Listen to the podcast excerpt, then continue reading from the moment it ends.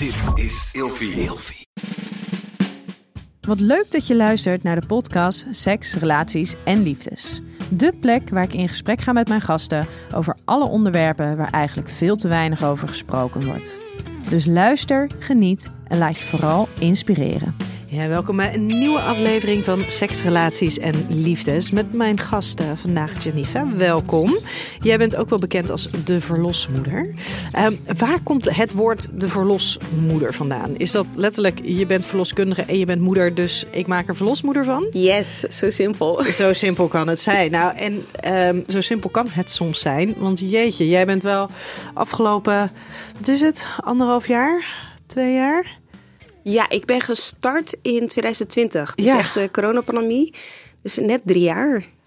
En van alles en nog wat. Overal Ja. te vinden. Ja, gestart met YouTube-filmpjes. eh, toen een podcast. En uiteindelijk een boek geschreven. Mhm, super tof. Want ja, jij bent verloskundige. Eh, je hebt je eigen praktijk. En waar jij je vooral voor inzet, is eigenlijk gelijkwaardige zorg voor eh, mensen die zwanger zijn, dan wel gaan bevallen, dan wel na de bevalling. Ja, Ja. klopt. Omdat nou ja, de kennis die voorhanden is, is lang niet voor iedereen voorhanden. En eigenlijk geldt hetzelfde voor nou ja, de vormen van zorg die er, die er zijn, die er beschikbaar zijn. Ja, ja, inderdaad. Ja. We hebben hier in Nederland echt een hele mooie basissysteem opgezet. Waarin we zeggen van hey, iedereen krijgt in de basis het gelijke.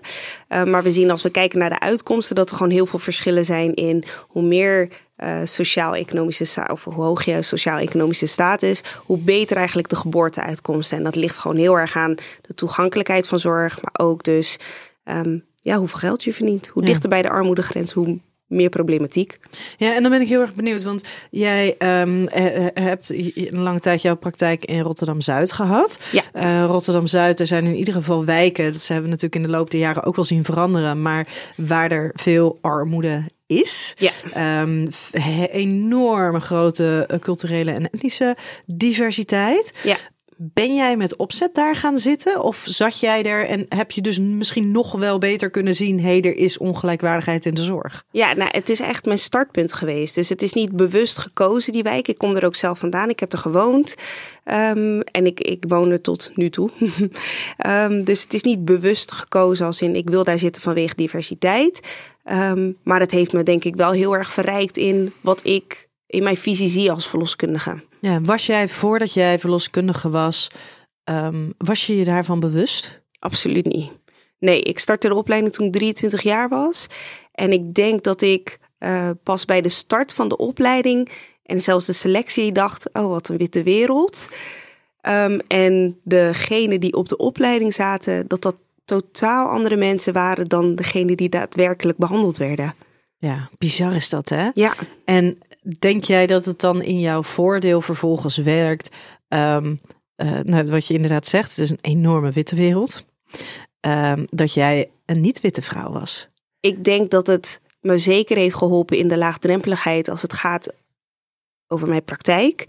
Ehm, en de toegankelijkheid daarin, dus dat mensen herkenning zien. En het heeft het voor mij makkelijk en moeilijk gemaakt, omdat ik daardoor problematiek zag die misschien een ander niet zag. En daar kon je niet blind voor zijn. Daar kan ik niet blind voor zijn. Nee, Nee. nee. dus daar ben ik heel hard tegenaan gegaan. En eh, ja, daardoor is dus verlosmoeder ontstaan. Ja, want daar moet je dan wat mee. Ja, ja. Oh ja, nou ja, enerzijds is het natuurlijk heel mooi. Anderzijds is dat natuurlijk inderdaad ook wel heel confronterend. Ja, ja, Ja. zeker, zeker. Ja. Hey, en jouw eh, boek is onlangs uitgekomen, Verlosmoeder, het handboek van kinderwens tot eh minimens. Ik had het net even in mijn handen. Het, is, het ziet er prachtig uit. Het is een heerlijk dik boek ook. Dikke pil. Ja, en wat ik dus zo mooi vind, en dat is, dat is natuurlijk volledig in lijn met ehm, nou ja, waar jij voor wil, wil zorgen. En dat is namelijk gelijkwaardigheid, in ieder geval in die, in die zorg eh, rondom zwanger zijn en, eh, en, en bevalling. Ehm, bij elk aangeschaft exemplaar via jouw webshop Ja. doneer jij een boek aan een ouder die niet de middelen heeft om het boek zelf aan te schaffen. Een digitaal exemplaar. Ja, inderdaad. Was dat vanaf het begin al het idee? Of Ja. is dat Ja, gegroeid? we hebben daar een half jaar met de uitgever eh, over zitten bakkeleien. Ehm, maar dat was voor mij de voorwaarde om, eh, om het boek uit te brengen. Heel tof. En waarom heb je daarover zitten bakkeleien? Want wat zijn dan Nou ja, de er zijn voor een uitgever is natuurlijk heel angstig. Hè? Eh, Gaan we gratis boeken weggeven? Hoeveel boeken? Gaan mensen dan nog wel het boek kopen? Dus dat, eh, dat heeft financieel natuurlijk wel eh, wat haak en ogen. Ja. Maar ehm, ik, we zijn uiteindelijk toch heel erg op hetzelfde punt terechtgekomen... dat als je het boek niet kan veroorloven, dan koop je hem sowieso niet. Nee, dus dat is ook geen verlies van nou ja, inkomsten Ja. wat de uitgever Ja, en heeft. ik denk dat het voor een ander juist een mooie motivatie kan zijn... dat je een ander kan helpen Ja. door een boek aan te schaffen. Ja, nou, ik vind echt, ik vind een heel mooi initiatief. Zeker als jij ehm, wil staan waar je voor staat. Want het is best wel, het is best een duur boek. Hè? Ja. 34,95. Dus dat is ook niet even voor iedereen zomaar aan te schaffen. Nee. Terwijl als je kijkt wat je ervoor krijgt, inhoudelijk, ehm, krijg je die 34,95 er wel voor terug. Ja, ja, ja, ja, ik heb er echt mijn hart en ziel in gestoken. Het is ruim 400 pagina's. En eh, het is echt, echt van kinderwens tot en met het eerste jaar ouderschap. Echt een praktische boek Ja. die je in ruim een jaar meeneemt. Ja, en moet ik het dan, kan ik me er ook zo bij voorstellen dat op het moment dat je dus niet de middelen, niet de kennis, niet de gelegenheid hebt of beschikbaarheid hebt voor eh, begeleiding, op wat voor niveau dan ook, bij eh, zwanger worden, zwanger zijn en, en bevalling en daarna de zorg, dat dit boek daar dan opvulling aan geeft? Ja, het geeft je echt een rode lijn en daarin de opties. En daar is altijd ruimte voor extra verdieping of extra coaching of begeleiding in.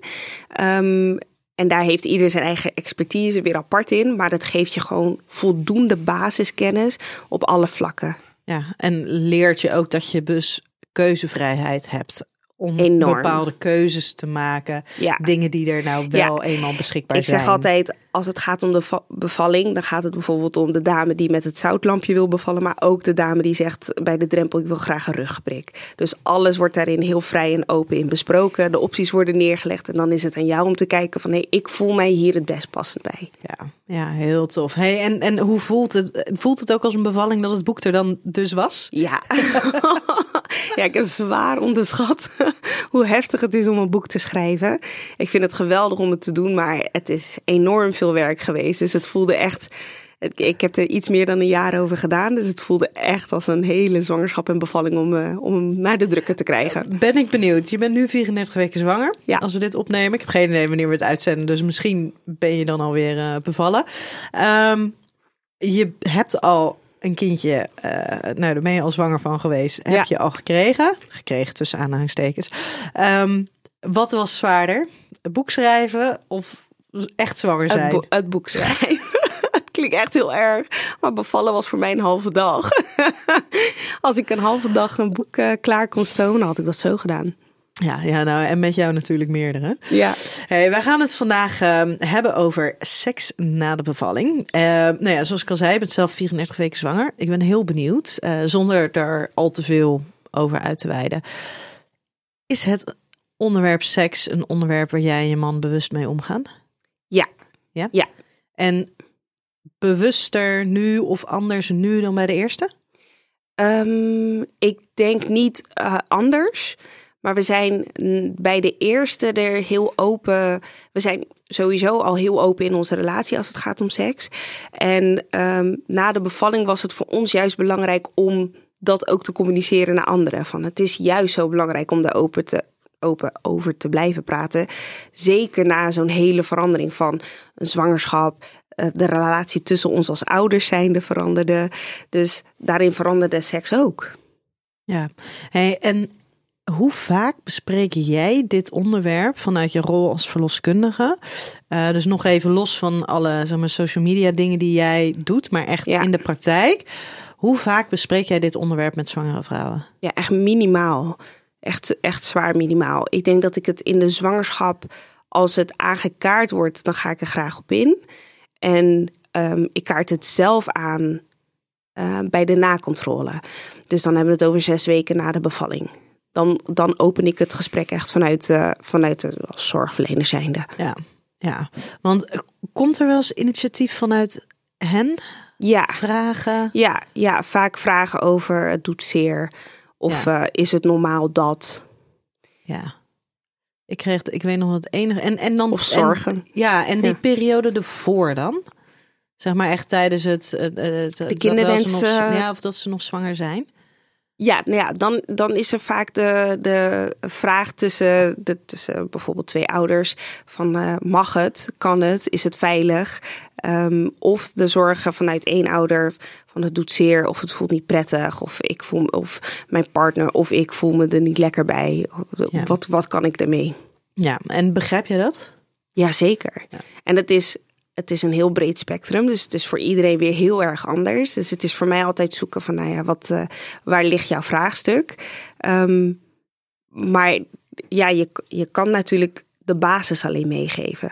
Dus op het moment dat ik zie van, nou, er zijn basisvragen, daar kan ik informatie over het geven. is niet gevaarlijk. Je raakt het kind niet.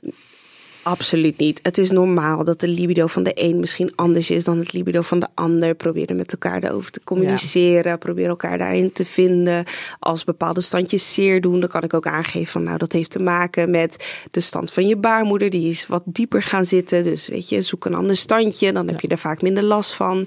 Dus dat soort vragen kan ik gewoon beantwoorden. Maar als het echt gaat ehm, om ja, traumagevoelens van, van verleden of angst of eh, hele diepe, eh, diepe pijnlijke problematiek, ja, dan is de doorverwijzing meestal naar ofwel een seksuoloog.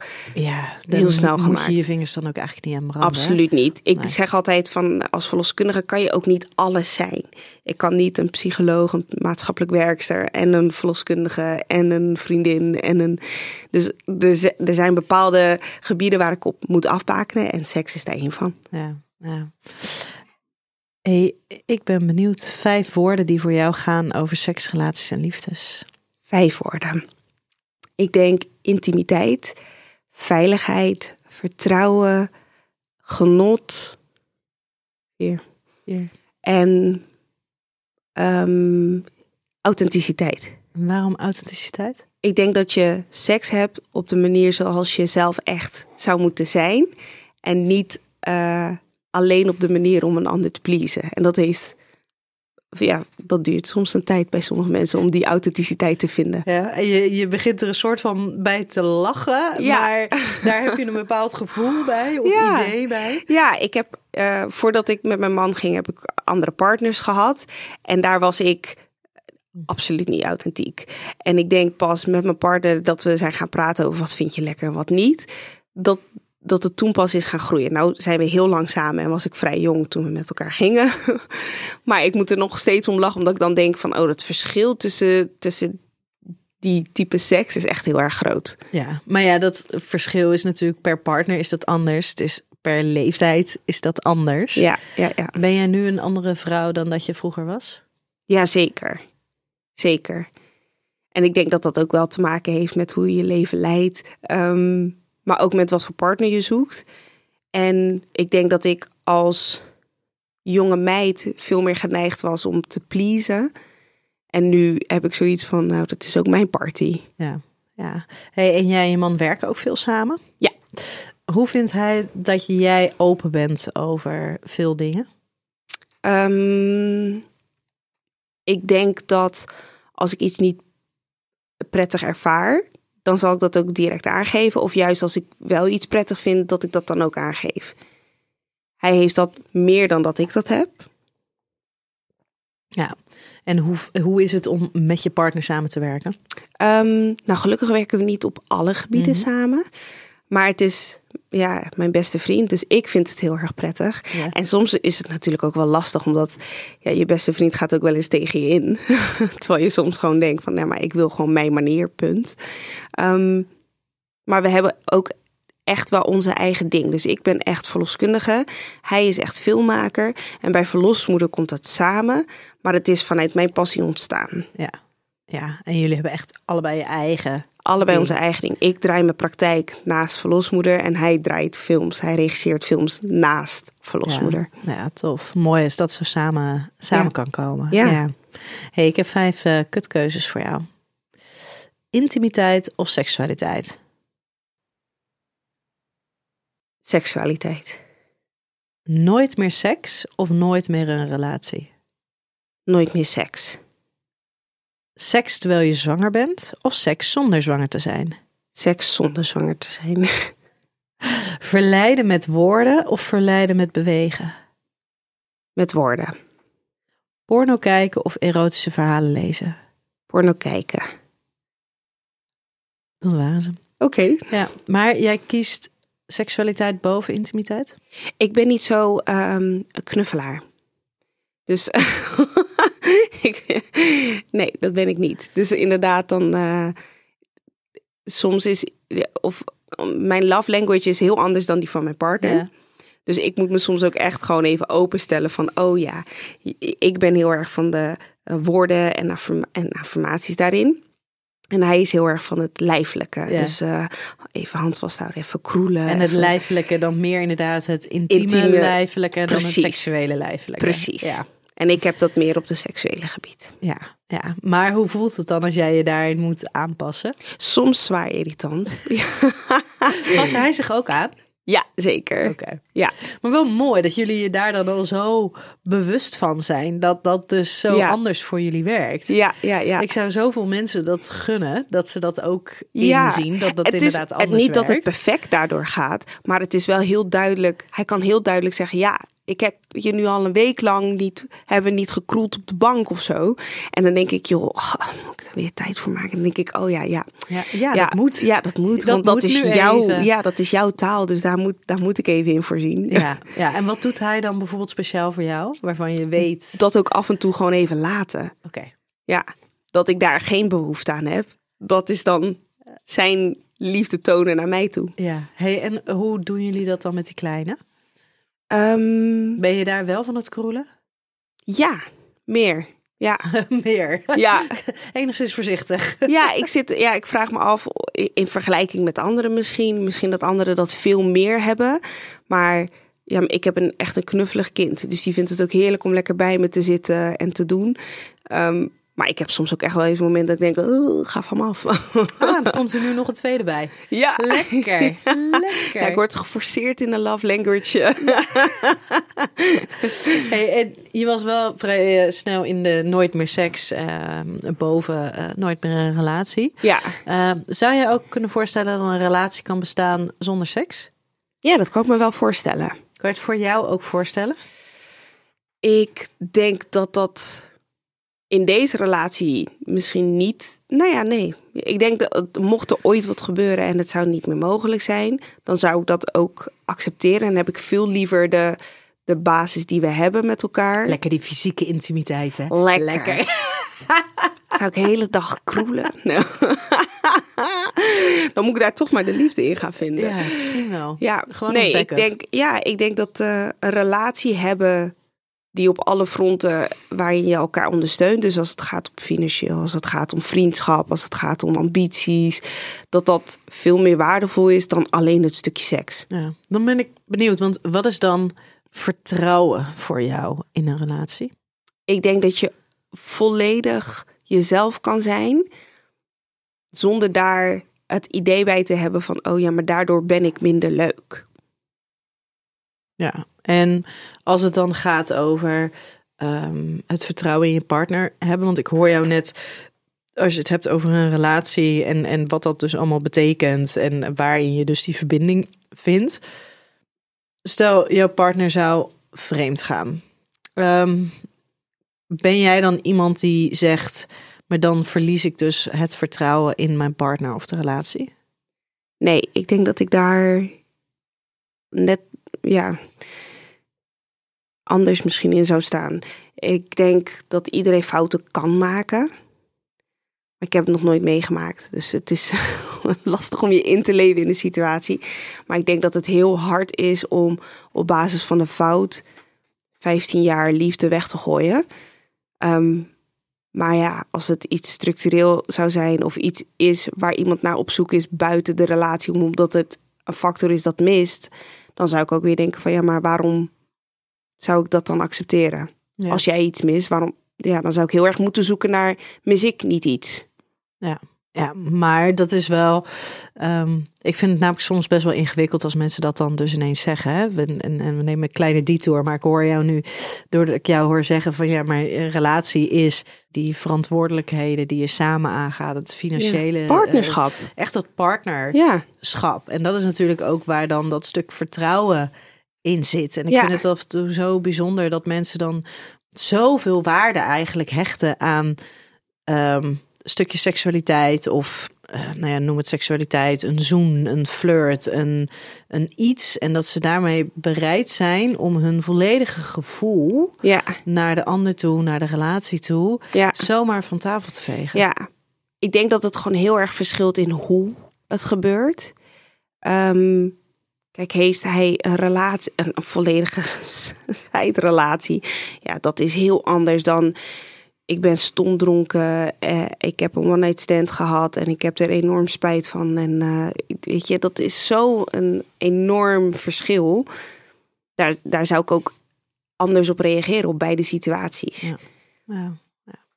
En ik ben zelf het eerste vriendinnetje dat mijn man ooit heeft gehad. Dus het is...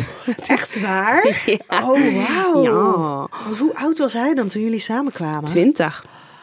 Het eerste vriendinnetje. Ja. Nou ja, op zich als je twintig bent is dat ook niet. Niet raar, maar voor mij was dat op dat moment... Ik had toen al meerdere vriendjes gehad. Ook eerste seksuele partner? Ja, Oeh, die Ja. vind ik eigenlijk, die, die, die zou ik spannender vinden.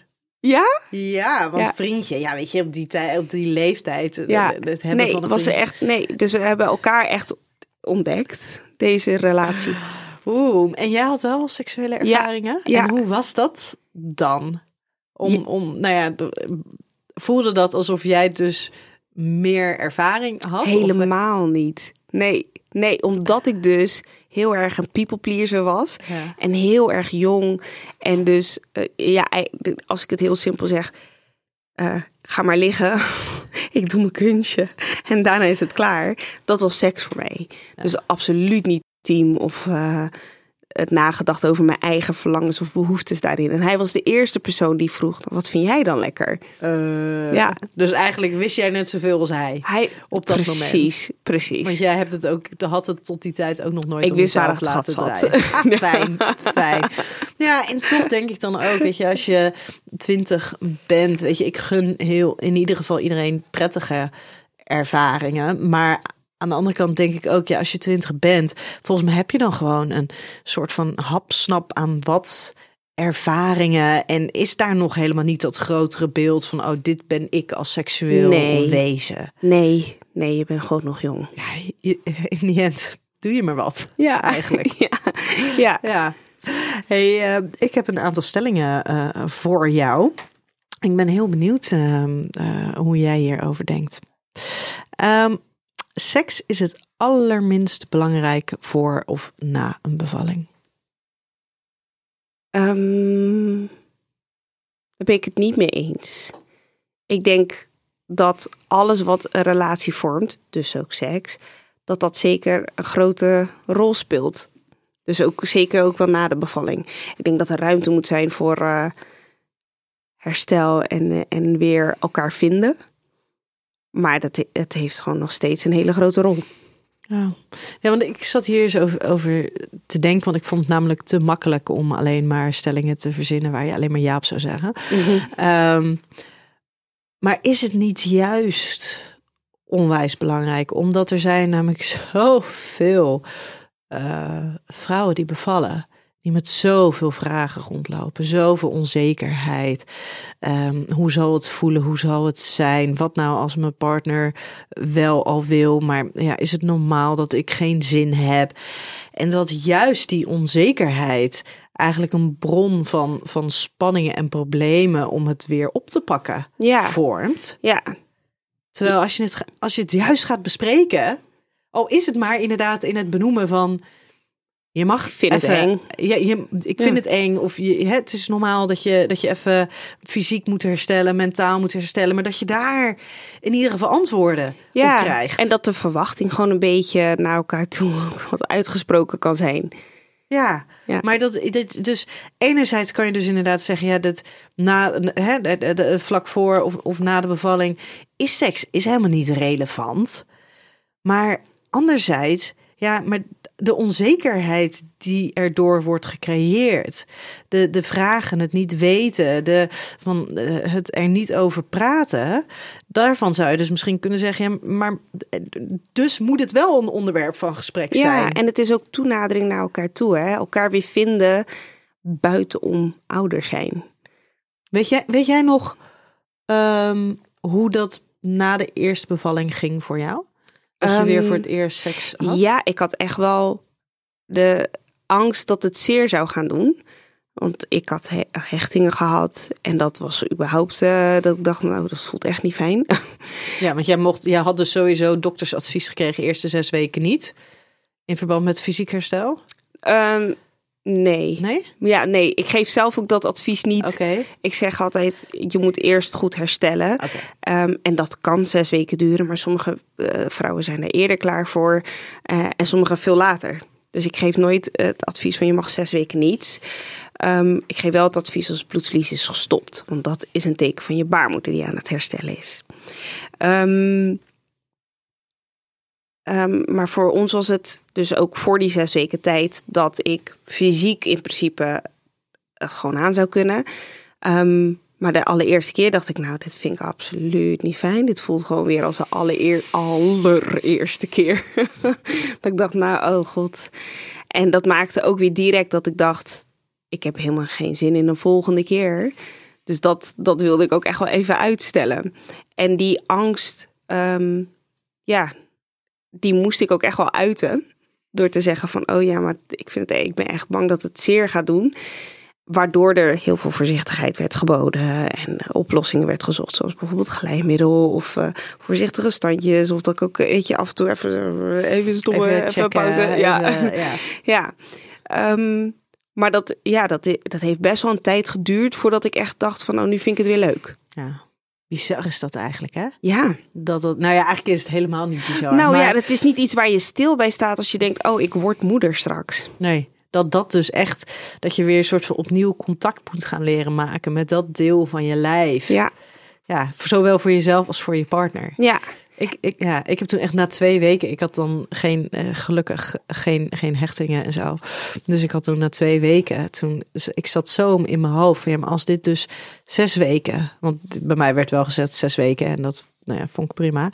Ehm, maar ik dacht dus wel, ja, maar als je dit dus nu, als we nu zes weken niks doen, ja.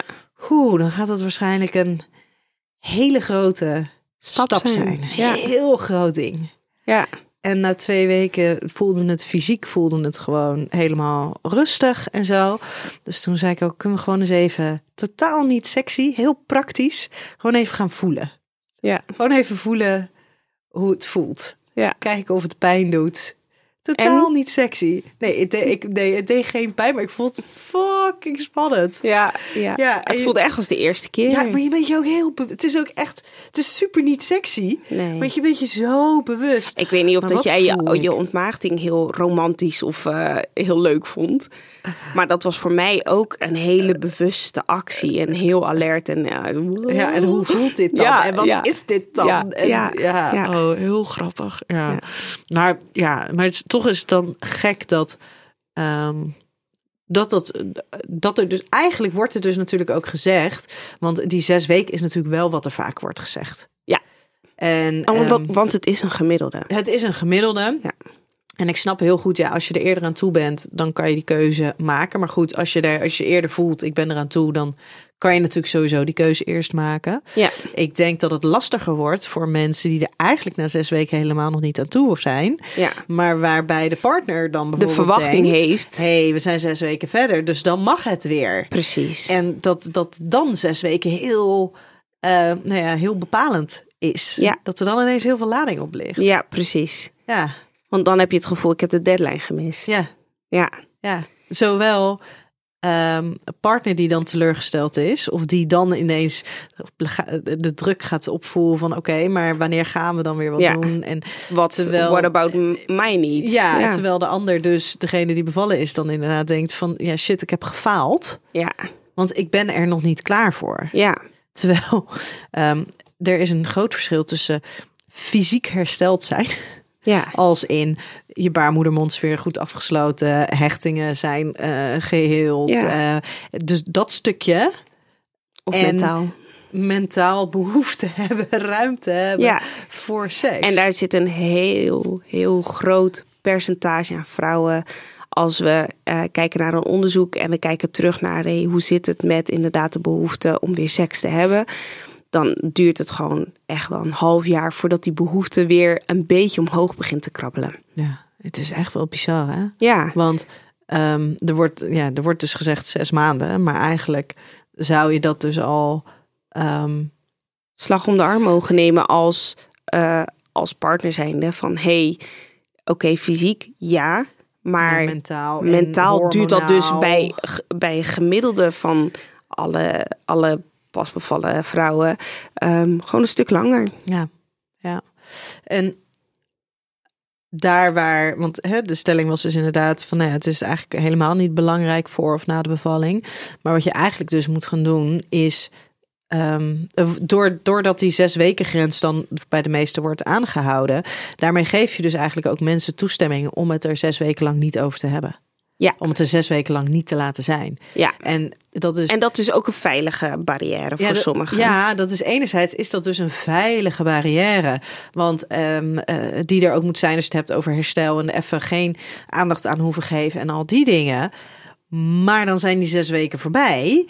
En dan moet er dus een heleboel en is er nog geen gesprek over gevoerd. Nee, inderdaad. Dus eigenlijk zou je die veilige barrière van die zes weken juist moeten gaan gebruiken. Van oké, maar hoe gaan we dit dan straks Wel aanpakken? Wat Ja. zijn onze verwachtingen? Ja, en ik denk dat er gewoon ook veel meer ehm, openheid en duidelijkheid gegeven mag worden over het verschil dus tussen het fysieke herstel en het mentale herstel. En wat het gemiddelde daarvan is. Oké, fysiek hebben we het over zes weken, maar mentaal hebben we het dus over zes maanden. Ja. En ik denk als die verwachting al duidelijk is, dat het heel normaal is voor een ander om te begrijpen, oké, mentaal gezien is, dit, is het totaal logisch dat jij er nu nog geen behoefte aan Dat je hebt. me nog niet bespringt en Ja, nog niet in je, ja. in je mooie lingerie op me ligt te wachten. Ja, precies. en ik denk dat als dat al ehm, wat meer in de wereld bekend is, dat het al een heleboel marge kan geven. Ook voor iemand die denkt van ja, maar dat doet nog zeer. Ja, dat, het kan nog zeer doen, maar dat kan ook doordat je mentaal gewoon er nog niet klaar voor bent. Voor mij was het op een gegeven moment ook dat mijn partner zei van ja, maar ik denk dat je er bang voor bent op dit moment. En niet meer dat het fysiek zeer doet. Laten we een stapje verder proberen. En toen we dat stapje verder gingen, toen dacht ik, oh ja, je hebt gelijk. Ja, dat was meer mijn vaak, spanning. hè. Het is Ja. inderdaad, het is de Ja. anticipatie op die pijn, dus die angst, eh, die vervolgens ook weer spanning in die bekkenbodem met zich meebrengt. En die maken dat je hyper alert bent op elke aanraking, elke sensatie, dat je die zo erg gaat analyseren. Oké, is dit prettig? Is dit onprettig? Is Ja. dit een scherpe? Op een gegeven moment wilde ik gewoon op één positie blijven liggen. En dacht ik, oké, maar dit, dit lukt. super ontspannen. Ja, heel, heel leuk. Ja, ja, ja, nee, maar dat, ja, maar dat zijn dus gesprekken waar je dus ook soms je eigen grens een beetje moet en kan verleggen. Maar dat kan alleen als je je veilig voelt met de persoon met wie je bent. Ja, nou ja, maar daar zit wel inderdaad. En waar zit dan de balans tussen een, een liefdevolle partner die zegt van ja, maar volgens mij, als ik hè, vaak kijken partners ook even van als ik het zo zie, denk ik dat je fysiek gewoon helemaal hersteld bent. Dus ehm, nou ja, eh, misschien kunnen we voorzichtig ietsjes verder proberen te gaan. Ja. En dat dat is dat, maar daar is dus een verschil tussen soort van de, de, de, de seksueel gefrustreerde eh, partner die zegt: Ja, maar ik heb gewoon seks nodig, dus we gaan het gewoon nu proberen. Ja. En een, een liefdevolle partner die zegt: Ja, maar ik wil graag jou helpen. En het is absoluut niet in mijn belang om een grens over te gaan. Ja. Maar we gaan wel even kijken of die grenzen die je nu in gedachten hebt, of dat ook echt grenzen zijn. Of dat het gewoon inderdaad gewoon je eigen spanning is. Ja, ik denk dat je dat alleen maar weet door het te proberen. Ja. Net als de allereerste keer dacht ik, ik ben er klaar voor. En toen was het ook echt, nee, dit vind ik gewoon echt nog niet prettig. Dus toen heeft het ook echt wel weer een tijd geduurd voordat de, de volgende. Ja. Toen bij de volgende, ja, dan ben je dus inderdaad met die anticipatie op de spanning en de pijn. voelt dat helemaal niet prettig. Dus het duurt daarin gewoon steeds wat langer. Maar ik denk als je het niet probeert, en dat is dan op initiatief van een ander, want ik had die behoefte inderdaad nog eventjes niet. Dat ik dacht, nou, ik vind het prima eventjes zonder. Ehm, maar ja, dat is het lastige. Ik denk dat je dat ook zoekt in je partner. Ehm, dus het is heel lastig om daar denk ik algemeen advies over te geven. Maar bij mij is het in ieder geval zo geweest dat zonder het te proberen kon ik het ook niet ervaren en vertellen.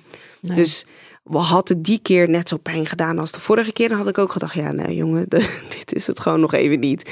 Maar omdat het minder pijnlijker was, dacht ik, oké, het wordt beter. Ja, terwijl aan de andere kant, het kan ook zo zijn dat het dus nog steeds even gevoelig is. Ja. Maar dan alsnog gewoon proberen om daar toch een soort van vertrouwen in te houden. Ja, en het kan dus twee kanten op werken. Of het is een bevestiging van het doet nog zeer, het is te vroeg. Of het is een bevestiging van oh, ik ben herstellende, het was spanning. Ja, ja. en dat mag. Dat mag. Seksualiteit zou een vast onderwerp moeten zijn in gesprek met de verloskundige voor en na de bevalling. Ja en nee. Ik vind het aan de ene kant wordt er heel veel neergelegd bij een verloskundige van je moet alles bespreken. En dan denk ik soms ook op een gegeven moment van ja, maar waar is de afbakening? Want ik moet het hebben over seks, over relatie, over ouderschap, je voorbereiden op de bevalling, je voorbereiden op de kraamtijd, je voorbereiden. Er komt een heleboel bij kijken. Heb je een hoofdstuk over seks in je boek opgenomen? Jazeker. Nou, Dus ik denk echt wel Ehm, dat we basiskennis mogen meegeven, zoals dus het is normaal, dit is wat je een beetje kan verwachten, dit zijn gemiddelde.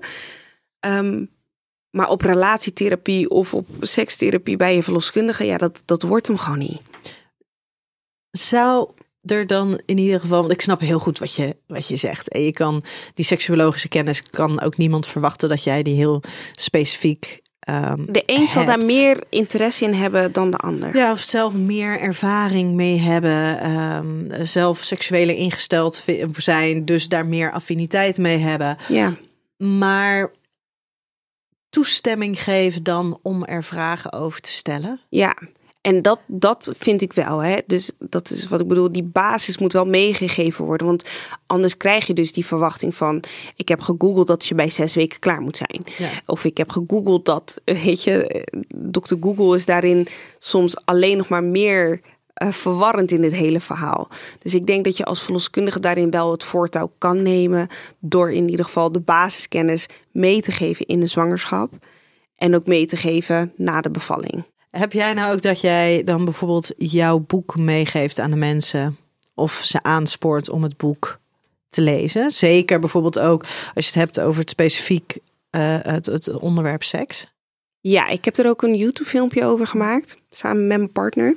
Om inderdaad ook open dat gesprek aan te kunnen gaan. En dan hoop ik ook dat mensen dat gesprek zeg maar, met mij aan willen gaan in de spreekkamer. Um, maar er is geen vast moment nu dat ik zeg van, oh, eh, nu moet je hoofdstuk 15 lezen, want volgende week gaan we het hebben over seks. Zou je dat eigenlijk wel willen doen? Eigenlijk wel. Eigenlijk zou ik dat net als een soort van schoolproject, uh, zou ik een zwangerschap willen doorgaan en gewoon kunnen zeggen van, hé, hey, um, je zit nu in dit trimester, dit gaat eraan komen. Ga je, maar, want ik vind ook dat je als aanstaande ouder ook wel huiswerk mag doen. Je mag je voorbereiden. Je mag je voorbereiden. Dus het helpt enorm in het gesprek als jij al wat hebt gelezen en denkt: Oh, maar hier heb ik vragen over. Zodat we in die spreekkamer ook echt een gesprek kunnen hebben. En niet dat het alleen maar vanuit mij zenden is, dat jij dan thuis erover nadenkt. En soms is dat wel zo. En dan pak ik het, controle daarna weer op. Om te kijken: van, hey, is het binnengekomen wat ik de vorige keer heb uitgezonden? Maar het zou enorm veel schelen als we direct dieper op het gesprek in kunnen ja, gaan. En dat dus niet mensen alleen maar naar die afspraak komen omdat die afspraak er nou eenmaal staat. Precies. Maar dat er ook echt wat gedaan is. Ja. Ik had, ik had, wanneer was dat? Een aantal weken geleden had ik een uh, intake met een stel. En die hadden mijn boek gelezen. Maar die hadden uh, van de relatie APK, maar die hadden dus ook alle oefeningen gedaan. En dat ging dus ook over talen van de liefde, maar ook over verschillende behoeftes die je zelf hebt, die je partner heeft. Waar hou je je partner voor verantwoordelijk? Waar moet je meer zelf ownership in nemen? En die hadden dat dus allemaal gedaan, allemaal helemaal uitgewerkt. En ik heb daar dus gewoon anderhalf uur alleen maar zitten luisteren naar al het voorwerk wat zij hadden gedaan. En zij konden dus heel specifiek, daar hebben we vragen over, daar zitten onze dingen, daar zijn we al achter komen. Nou, en dat werkte zo lekker. Ja, ik kan daar ook echt heel vrolijk van worden. Ja. Als iemand weet wat de opties zijn, maar eigenlijk alleen nog een beetje bevestiging of sturing nodig heeft om naar de optie te gaan waar zij zich het beste bij voelen. En, maar dat voelt heel erg fijn als je al weet dat er opties zijn. Maar Ja. als je binnenkomt met er zijn geen opties, ja, dan moet ik daar tijd voor maken om natuurlijk die opties te kunnen bespreken. Maar dan ga je nooit zo diep, want uiteindelijk heb je maar negen maanden. En moet je heel veel onderwerpen langs gaan. Ja, dus dan is het heel fijn. Maar ik denk, wat je, wat je zegt, als aanstaande ouders mag je eh, ook wat voorwerk doen. Ja, je mag huiswerk eh, Ja. maken. Ja, en dat gaat niet alleen maar over welke flessen kiezen we en welk bedje, Ja. maar ook over de iets essentiële. Laat die babykamer alsjeblieft voor wat het is. tenminste Ieder- tot 30 weken. Nou ja, laten we eerlijk zijn. Wanneer gebruik je hem nou echt gelijk, die babykamer? Ja, er zijn zoveel andere dingen waar ik, waar ik veel liever voorbereidingen in heb, lichamelijk en mentaal, dan een kamer die eigenlijk pas eh, volledig goed gebruikt wordt na een half jaar. Nee, ja. Ja. Bij ons was het één nachtje en daarna was die uh, In de, in de kamer. Ja, maar dat scheelt, dat, dat scheelt al een heleboel. Ja. Maar er zijn een heleboel ouders waarbij de kinderkamer eigenlijk een verschoonkamer is. En that's it. Nou, dat de verschoonsetje kan je overal neerzetten. Ja, ja, ja, ja, absoluut. Ehm, de partner die niet bevallen is, moet de verantwoordelijkheid over de seksuele relatie nemen na de bevalling. Ehm, ik denk dat je automaat. Nee, ik zie daar verschillen in in de praktijk in. Want de een die heeft zoiets van ja, ik ben er klaar voor. Eh, de bevallen persoon die dan zegt van ja, ik ben er klaar voor, maar mijn partner die eh, eh, ziet het misschien niet zitten. Of juist andersom. Want ehm, ik vind het altijd heel lastig als je iemand hebt die is bevallen en die heeft eh, weer een baan en die moet eh, borstvoeding geven en die moet dit en die moet dat en die moet zus en die moet zo. Die heeft veel sneller zoiets van ik heb er geen behoefte aan. Ehm, dan dat iemand bijvoorbeeld die alleen thuis zit en de affiniteit van de partner heel erg opzoekt. Dus ik vind het, ja. ja die juist nee. heel graag wil die intimiteit en het contact terug met wil. de partner. Ja, want die wil als we kijken naar hoe, mens voelen. Ja, en hoe, hoe dat verlof nu is geregeld, of was geregeld, dat, dat de partner die niet is bevallen heel snel weer in zijn eigen leven eh, stappen. Ehm, die gaan weer heel snel naar werk. Daar verandert Sporten. soms heel weinig voor, behalve het thuiskomen. Ehm, die, die twee werelden die kunnen dan soms zo naast elkaar lopen en ook zo eenzaam voelen. Ja, maar dat is inderdaad, hè? Want ehm, het is lang niet altijd als vanzelfsprekend dat als de, dat degene die bevallen is, dat die helemaal geen ruimte heeft voor intimiteit, seksualiteit. Het is ook heel vaak juist diegene die dat, die daar wel naar verlangt, omdat dat, ehm, nou ja, weer de, de, de belevingswereld weer wat breder maakt. Ja. En inderdaad een stukje contactherstel met de partner, die gewoon weer in het, in het leven is getreden zoals alsof er niks anders is. Ja, en dat kan verlangen geven, dat kan resentment geven. absoluut. Want ik, ik had dat ook af en toe, dat ik echt dacht gewoon van, ach, jij kan gewoon je ding doen. En ik moet toestemming, een soort van toestemming vragen om mijn ding te of kunnen doen. het uitkomt dat jij ook even een middagje of een avondje weggaat. Ja, ja, ja, gek is dat eigenlijk, hè? ja. En als je het dan hebt over verantwoordelijkheid nemen over die seksuele relatie. Want ehm, ik kan me wel voorstellen dat dat dus bij heel veel vrouwen die bevallen zijn ook helemaal geen prioriteit heeft. En bij wie het eigenlijk ook een beetje van de radar afglijdt. Nou, jij zei Ja. net eh, al dat, dat er gemiddeld is, is het zo'n zes maanden voordat ze überhaupt weer een beetje behoefte, dan wel ruimte krijgen voor seksualiteit ja.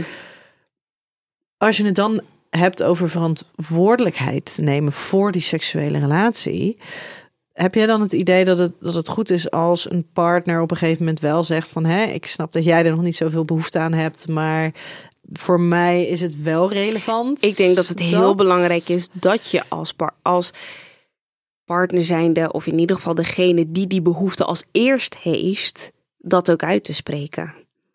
Dus ik denk dat het zeker wel belangrijk is om te zeggen van hé, hey, ik begin er al over na te denken. En dan, het, als ik kijk naar praktijkervaring, dan is dat merendeels de persoon die niet is bevallen. Wat logisch is, hè? want er speelt hormonaal, er speelt fysiek, er speelt mentaal een heleboel.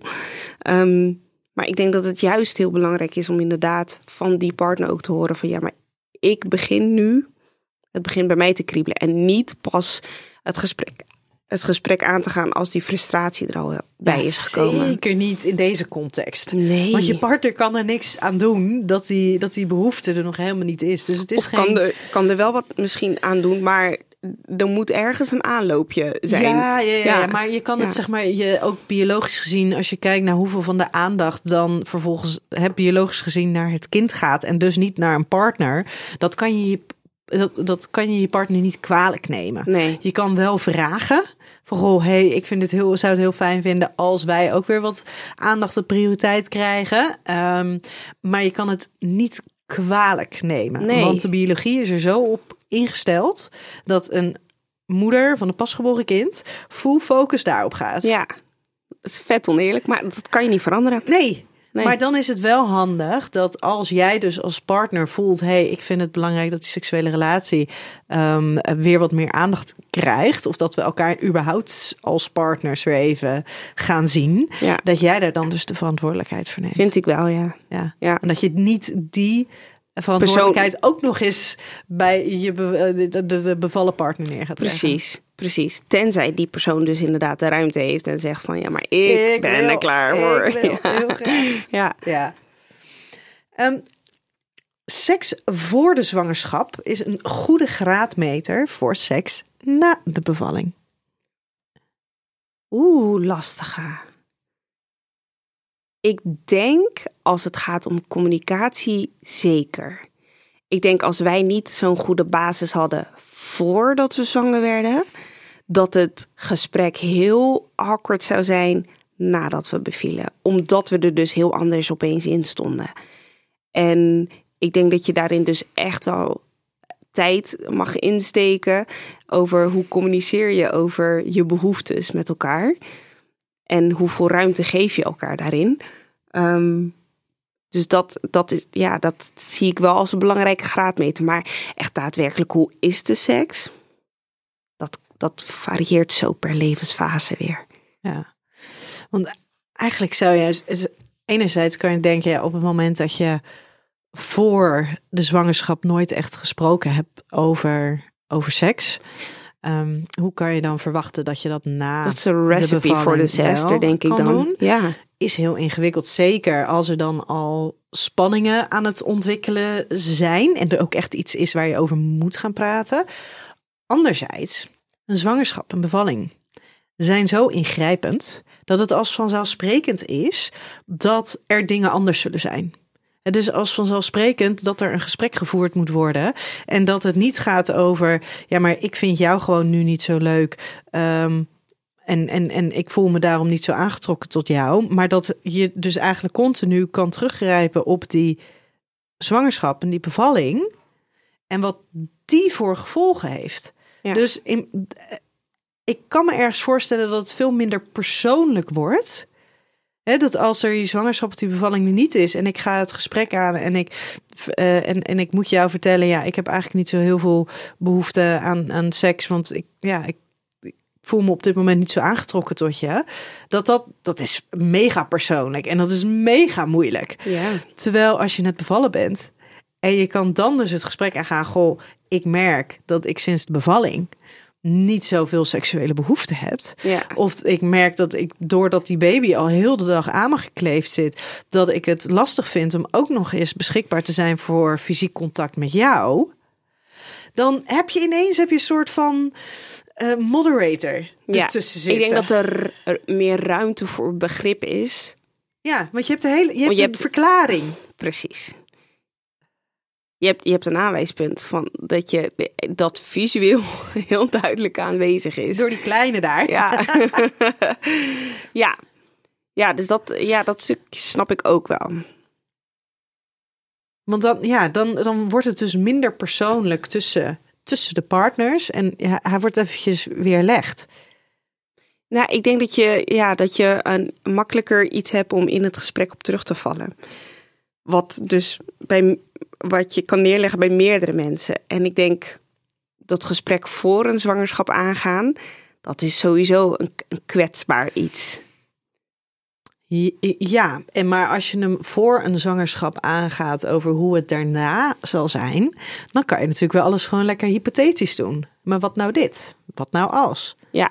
Dus dan kan je alle opties voorbij laten komen, omdat je het simpelweg niet weet. Maar ik denk dat, klein stom voorbeeld, toen ik, um, voordat ik zwanger was, dan zat ik in een restaurant en zag ik een kind op een iPad. Dacht ik, welke ouder doet dat nou weer? I would never. Mm Hoe vaak? Mm, dat ding gaat niet gewoon standaard mee. Als ik weet dat wij langer dan een uur gaan tafelen, dan gaat dat ding mee. Ik kan mijn dochter eh, prima een uur entertainen aan een tafel vastzittend. Uh, met wat kleurpotloden, met wat spelletjes, met, uh, met je aandacht. met mijn aandacht. Maar als ik ook nog een gesprek met de andere gesprekspartners wil hebben aan die tafel, ja, dan gaat voor mij zo'n schermpje mee en dan helpt dat enorm. In de, ik heb even tijd aan mijn kind besteed en nu kan ik even tijd aan andere gesprekspartners aan tafel besteden.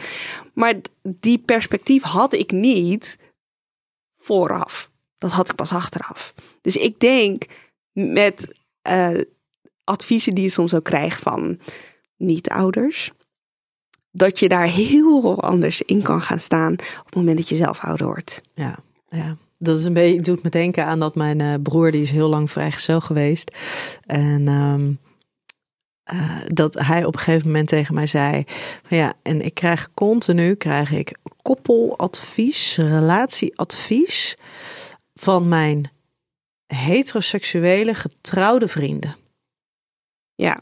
Terwijl hij een homoseksuele single man is. Ja. Dat, een hele andere wereld. Dat is een hele andere wereld. Ja. Dat kan niet. Nee. Dat gaat niet. Nee. Nee. En het is goed bedoeld.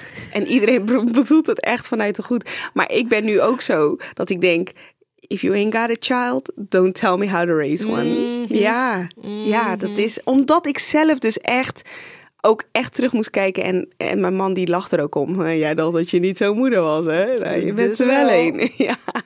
ja, ja. Dus ja, ik denk, je kan het openen, het gesprek in de zwangerschap. Maar de realiteit kan daarin zo anders zijn. Dat ik denk, ja, maar daar moet dan ook weer ruimte voor zijn. Dus wij hebben voor de zwangerschap echt niet gesproken over hoe we dat na de zwangerschap gaan doen. Omdat je aan de ene kant ook echt totaal niet weet hoe, hoe zo'n zwangerschap verloopt. Nee, maar bij jullie is er wel al die openheid en die toestemming. Precies. Om het erover te hebben. Precies. En dat is de basis die ik iedereen zou willen meegeven. Van... Ja, maar die moet je wel creëren. Die is er niet van de een op andere dag. Nee.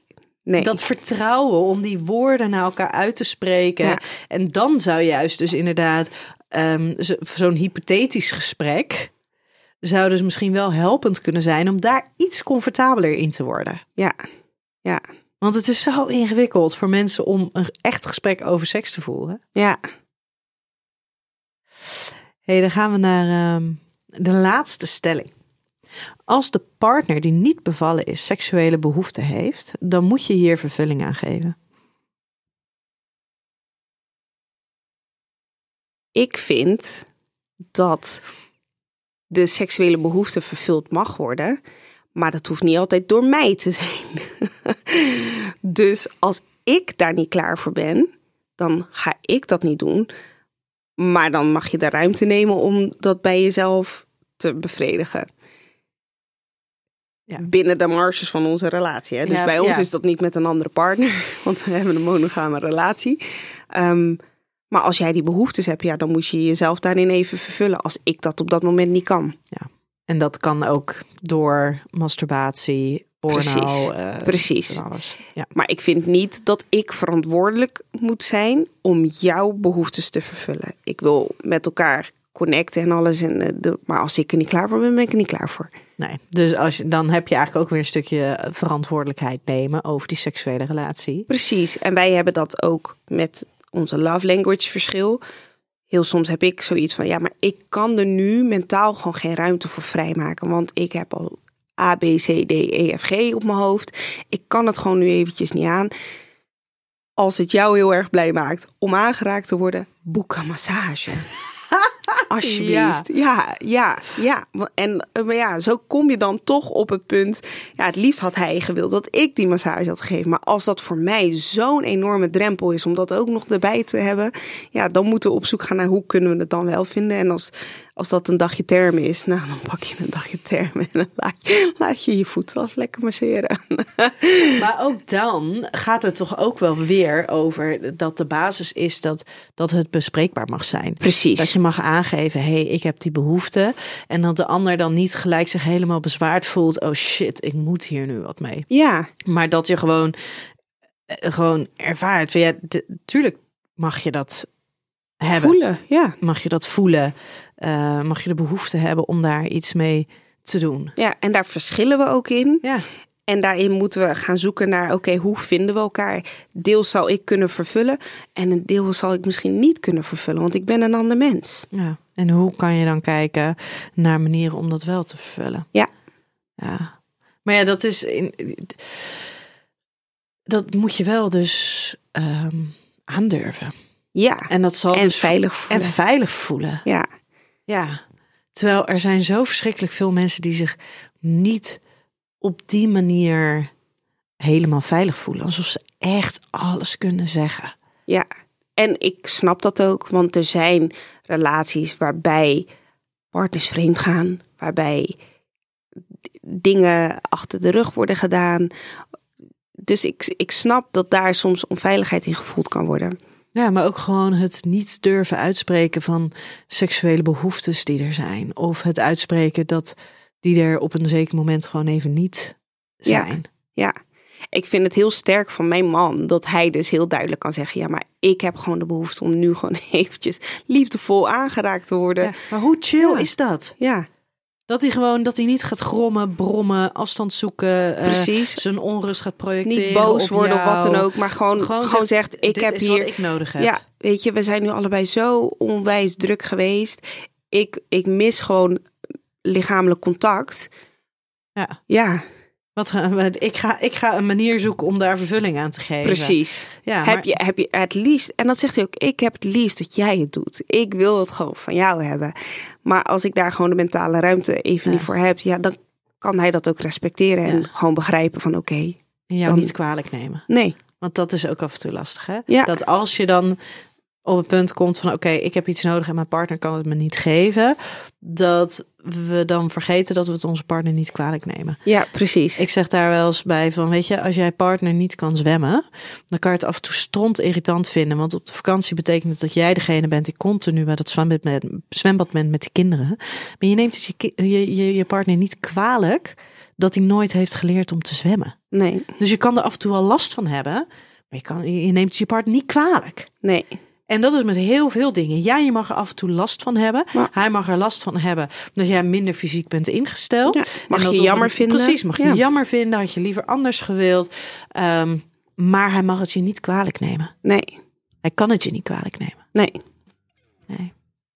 hey, wij, um, wij gaan hem alweer afronden. Yes. Onwijs bedankt dat jij uh, hier wilde zijn uh, vandaag. Ik ben uh, heel benieuwd hoe jouw boek het gaat doen. En dus jouw actie waarbij je dus bij elk fysiek bestelde exemplaar. Dus het gaat wel echt inderdaad over een fysiek besteld exemplaar. Ja. Ook een van de boeken gaat weggeven. Een digitaal exemplaar aan iemand die het niet kan veroorloven. Ja. Hoe, hoe gaat, gaat die actie goed? Merk je dat er veel. Uh... Het, is, ja, het is nu echt net afgelopen Ja. weken. Oh, echt is het boek gelanceerd. nieuw. Ja, dus ik heb één aanvraag inderdaad voor een aanstaande ouder Ja. liggen. Dus die gaat eh, die kant op. Oh, het is dus dus echt nog is heel, echt heel nieuw. Oh, wat grappig, want ik zie hem al zoveel. Ik heb hem al zoveel voorbij zien komen in jouw boek. Dus oh, Oh, hij is echt nee. heel, heel, heel. heel... Hij is, ja, nee, afgelopen vrijdag had ik het Ah, lanceringsfeestje. nee joh. Ja. Oh, dus, dus, oh, jij zit dus ook even echt in alle stormen op hetzelfde moment. Precies. Oh god. Nou, nu even ademhalen. Yes. Ja, gewoon rustig gaan wachten tot, dat, tot de andere baby er is. Ja, ja, ja. En eh, nogmaals, echt onwijs bedankt. En ik hoop eh, dat jij heel veel, heel veel vrouwen, maar ook partners Ja, jij kan bedankt. gaan helpen. ik denk dat zo'n podcast zoals die van jou daarin ook enorm uh, behulpzaam is. Ik hoop het, ik hoop het. Hey, op verlosmoeder.nl kan je alles vinden wat Jennifer doet, plus de boeken bestellen. En lieve luisteraar, tot volgende keer bij een nieuwe aflevering van Seks, Relaties en